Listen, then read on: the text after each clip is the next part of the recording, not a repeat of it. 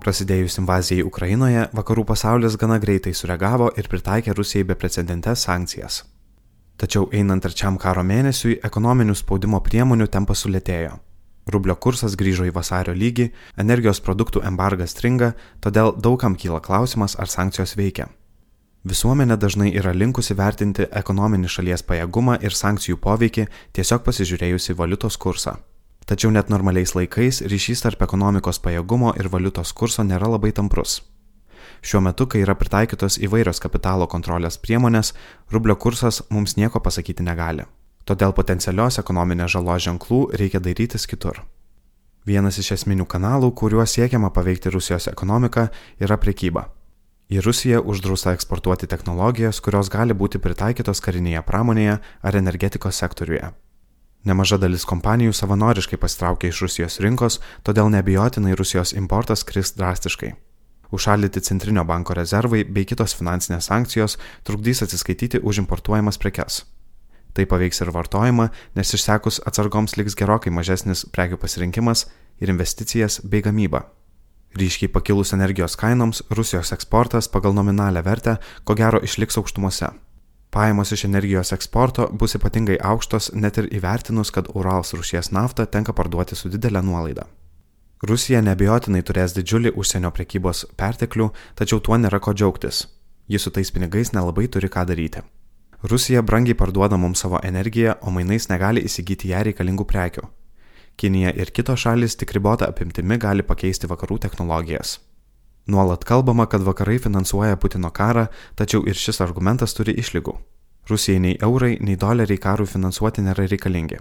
Kareivių algas mokėti rubliais Rusija galės visada. Technikos ir šaudmenų atsargų trumpuoju laikotarpiu irgi pakaks. Tai, ko Rusijai mirtinai reikia dabar, yra gamybos priemonės ir technologijos, kurios leistų vystyti vietinę pramonę, siekiant sukurti pakaitalą vakarų produkcijai. Per prekybos kanalą Rusija tikrai patiria daug skausmo. Geriausiai šį faktą iliustruoja tai, kad nustota skelbti tarptautinės prekybos statistiką. Įvairios institucijos tikisi tarp 8 ir 12 procentų Rusijos ekonomikos susitraukimo šiemet ir net mestina, kad net ir tokie skaičiavimai yra konservatyvūs. Labai tikėtina, kad tikrojo žalos masto mes nesužinosime, nes valdžia neleis statistikams parodyti tiesos. Žinoma, šimtų procentų užtikrinti, kad Rusijai reikalingos prekes nepateks į šalį yra sudėtinga, todėl reikia siekti apriboti režimo pajamas. ES gana sunkiai sekasi judėti į priekį su naftos ir dujų sankcijomis.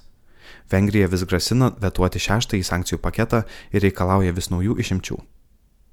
Atidėliojant sankcijas ir keičiant terminus kyla rizika, kad jos bus nebereikšmingos. Rusija turės pakankamai laiko suorganizuoti alternatyvius naftos eksporto kelius laivais. Tokioje situacijoje geresnė alternatyva būtų muitai. Prekyba yra ES, o ne šalių narių jurisdikcija, todėl muitus būtų galima pritaikyti kvalifikuotos daugumos balsavimu, išvengiant veto. 100 procentų muitas rusiškai naftai galėtų būti pritaikytas beveik iškart ir turėtų panašų poveikį į embargą. Šalys, kurios niekaip negali išsiversti be rusiškos energijos, galėtų toliau ją pirkti, o kitos turėtų rimtą paskatą pirkti iš kitų šaltinių. Surinktos pajamos galėtų būti panaudotos greitesniam energetinės nepriklausomybės siekimui ar paramai Ukrainai. Kitas svarbus energijos sankcijų aspektas yra laivyba.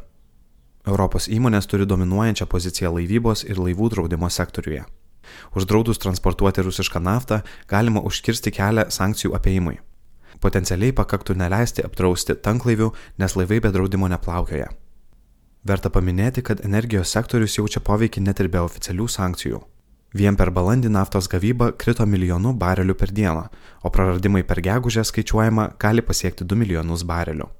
Sustabdytus grežinius technologiškai sudėtinga paleisti iš naujo, o iš Rusijos pasitraukus vakarų energetikos milžinėms, kai kuriais atvejais tai gali būti ir neįmanoma. Visiems žinomas Venezuelos pavyzdys. Šalis turinti didžiausius naftos rezervus, jos išgauna saliginai labai nedaug, nes to pati padaryti tiesiog negali.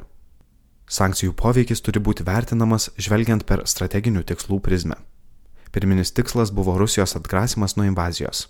Šiandien galima išvelgti kitus pagrindinius tikslus. Trumpuoju laikotarpiu siekiama sukelti nepasitenkinimą visuomenėje, kad režimas būtų priverstas atsitraukti.